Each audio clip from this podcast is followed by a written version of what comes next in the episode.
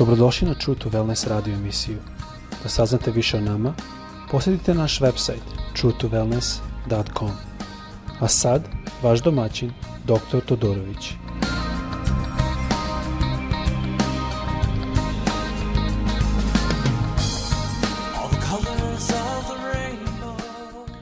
Ljubaznim pozdravljam vas sve iz Floride. Baš razmišljam dok sam spremao ovaj podcast – i shvatio sam da mi živimo u vrlo čudno doba danas. E, ima ovaj pandemik koji je sve premetio.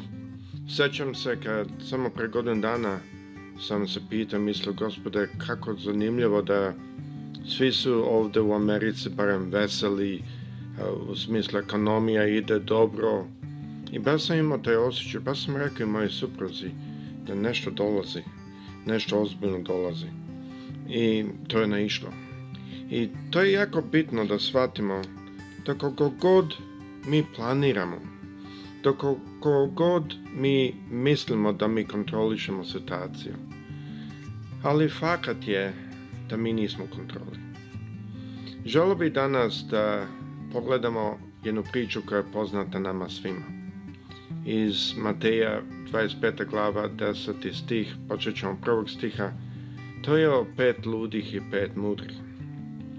Kaže tamo reč Božja u prvom stihu 25. glave, tada će biti carstvo nebesko, kao deset devojka, koje užeš, uzaše žiške svoje i zađoše na susret šeniku. Pet od njih behu mudre, a pet lude. Prvo na početku da pogledamo ovde na krčkom kaže Hemoltesas he besalaton urantum. A, ja sam vratno to malo pogrešno počitao, nisam baš dobro učio grčki, nisam upoznan, ne mogu da govorim taj jezik. Ali zanimljivo je da je ovo isti, baš isti opis koji je, piše u 13. glavi 24. stih. To znači i pokazuje nam da ova priča nam govori o tajni, kao što je u 13. glavi 24. stih. O tajni koja se odnosi na ovo vreme sada, i isto na vreme koje dolazi, na vreme koje je sakriveno. Sada možemo ovde videti da deset, od tih deset devojaka pet su bile, mi smo ovde rečeni mudre, a pet lude. Ali kada gledamo sa spolja, on, oni su svi bili zajedno. Dok nije došao Hrist, nije moglo da se vidi ko su ludi, a ko su mudri. To je vrlo slično onoj priči o koru što Isus nam ispričao kako je gospodin posio a, seme, a noću je došao neprijatelj i pokušao da posio korov. I ujutru, kada su videli to sluge, to jest posle više dana, oni su hteli da odu i da izvade korov, ali im gospodar rekao ne, jer ako vadite korov, možda ćete isto izvaditi žito. On nije hteo da se rizikuje, da se izvadi, da se vadi korov i slučajno da se izvadi dobro seme. To je isto odnos ovde, gde da ne vidimo koje su mudre, koje su lude, dok ne dođe tama, dok ne treba te lampe da rade i dok oni nisu svi zaspali, onda kad su ustali tek su shvatili i tek se videlo onda koje su lude, koje su mudre. To je jako bitno da znamo zato što danas mnogo puta mi pokušavamo da odlučimo ko je mudar, ko je lud, a to jest ko je ko voli Boga, ko ne voli Boga, to jest ko je predan Bogu, a ko nije predan Bogu. To je vrlo, vrlo opasno. Meni je jedan put jedan brat u koga imam puno poverenja, koji sada je sa gospodom rekao, nikada, nikada, nemoj da sudiš da kažeš da neko spašen ili nije spašen. To nije tvoje. Ima tu druga reč koju bi sam mogli ući u to, ali moramo to znati. Mi nismo u stanju da vidimo koje su ludre, koje su mudre. To ulje koje je falilo ludima nije moglo da se vidi. To se nije moglo videti. To je bilo nešto što prosto niko nije to zapazio. Niko nije rekao, ej, vama treba ulje. U razlika je bilo o tome da su pet bile spremne, a pet nisu bile spremne. Možemo isto videti da svih deset devojaka nisu znali da će ženik da kasni. Niko nije znao. Sve deset su zaspali. E Sada da mnogi ovde kažu što oni misle da je to ulje. Ja lično smatram da je ulje pomazanje, ali dobro, ima više tu a, e, e, interpretacija. Što je bitno je, ovde Isus nam govori da budemo spremni. Tako da ulje može da se odnosi na više stvari, zavisi ko čita, ali bitno je da ulje je ovde reprezentuje ili significira da te nisu bile spremne. Zašto nisu bile smene? U danjašnjem žargonu mogli bi reći da su oni išli u crkvu. Možda su imali dobre pozicije u crkvi, možda su propovedali. Šta to znači nisu bili spremni?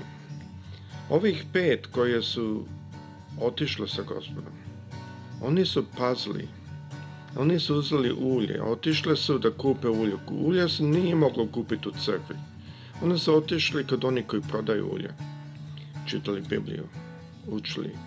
U privatnim časovima u svojoj kući su studirali reč Božju. Ne da se hvale sa tom rečom Božjom, ne da pokazuju drugima koliko one znaju, nego da upoznaju gospoda, duha svetog, da dobiju to pomazanje koje dolazi iz toga. Moramo isto zapaziti da svi deset su ga čekali. Ostavili su svoje domove, ostavili su svoje poslove. I to se ovde vidi u Americi jako puno. Ima puno propovednika koji sada rade u crkvama i propovedaju, ali oni su postali propovednici zato što je to njima izgledalo kao lepa karijera, lak posao. A ima drugi koji su postali propovednici zato što u njima gori vatra što u njima gori nešto duboko. Kakva je stvar kod vas? Ja mogu reći da to se može promeniti.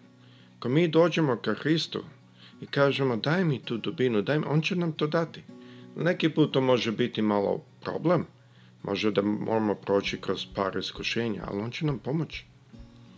Danas mnogo puta mi pokušamo da razlikamo hrišćane prema različitim standardima spoljno ponašanje, kako se oblače, frizura, ali jedna razlika u Isus istako uopšte nije bila vidljiva. Ulje nije bilo vidljivo. To je zanimljivo, pošto u mnogom puta kad odemo u crkvu, mi vidimo vidljive stvari. U trećem stihu kaže, a lude uz, užavši živke svoje, da uzoše sa sobom ulja, a mudre uzaše ulje u sudovima sa žičnima svojim. Ovo je velika razlika između nekoga koji je putnik nekog koji se brine o situaciji. Ovo je velika razlika, da kažemo, u letanju aviona između pilota i putnika.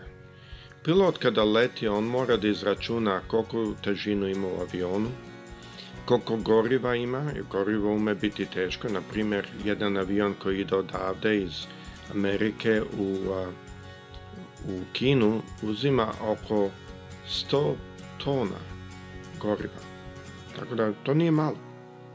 Onda moramo razmišljati o šta ako vreme bude, kažem moramo zato što sam ja isto i pilot, moramo razmišljati šta ako vreme nije dobro negde, moramo razmišljati ako se zatvori moj aerodrom da drugo mogu da, da sletim, to se zove alternate, I upravo ako se ikad nešto desi, ja moram pokazati da sam ja to sve razmišljao i sve spremio i sve ubacio u flight plan, u plan leta. Znači, ja moram biti ne putnik, nego onaj koji se brine, pilot. To je isto tako duhom. Mi znamo da su ovde svi deset imale malo ulja, jer kad su upali lampe, sve su počele malo da rada. Ali ovde je razlika da oni drugih pet što su bile mudre su spremile, razmišljaju napred šta će trebati. Oni su bili predani i revnosni. Zapazite da se ovde ne radi o kako su živali. Ovde se ne radi o kako su bili obučeni. Ovde se ne radi o kako su hodali. Oni su svi čekali Hrista. Samo se radi o koliko su imale ulja.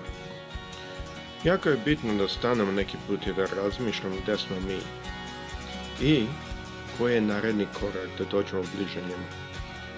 Molitva, čitanje, da uživamo čitati. Mnogo puta ljudi ako čitaju Bibliju kao roman neću uživati.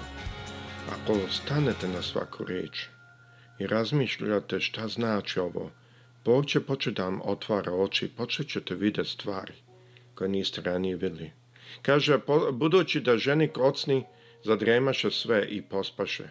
A u ponoć stade vika, eto ženika gde ide, izlazite mu na susret. Tada ustaše sve devojke, znači svi deset.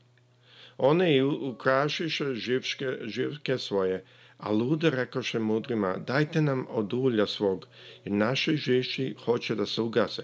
Znači imali su svetlo, ali nisu imali do ulja. Deveti stih kaže, a mudro odgovoriše govoreći, da ne bi nedostalo i nama i vama, bolje da idete ka trgovcima kupite sebi. Sada ovo je zanimljivo da su ovako mudre rekle.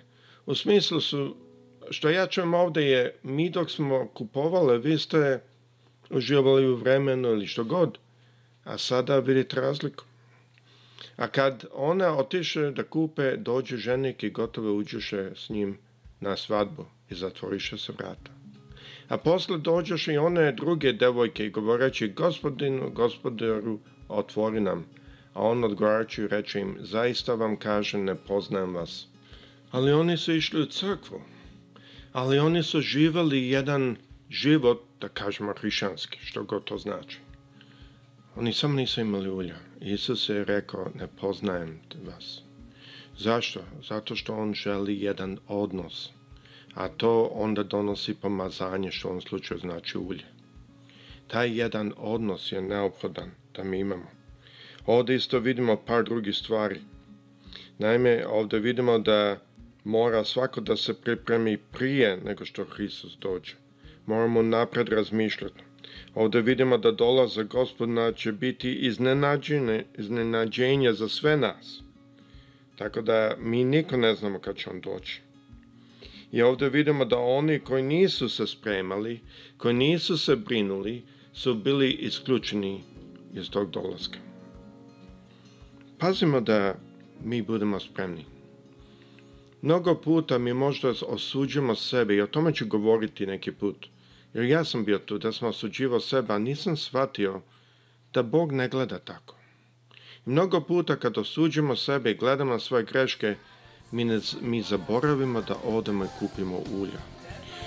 Prestanite gledati na svoje greške i kako ste dobri ili loši ili što god, nego otidite i kupite ulje, čitajući reč Božju bivše moleće. Neki put prosto moleći su svake setacije. I Gospod će vas blagosloviti, kao što sa svima vama jednom.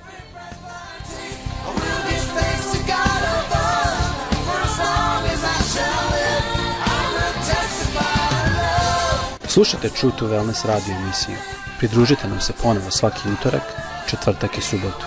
Za kontakt molimo posjetite naš website www.truetowellness.com Naša e-mail adresa je info at truetowellness.com.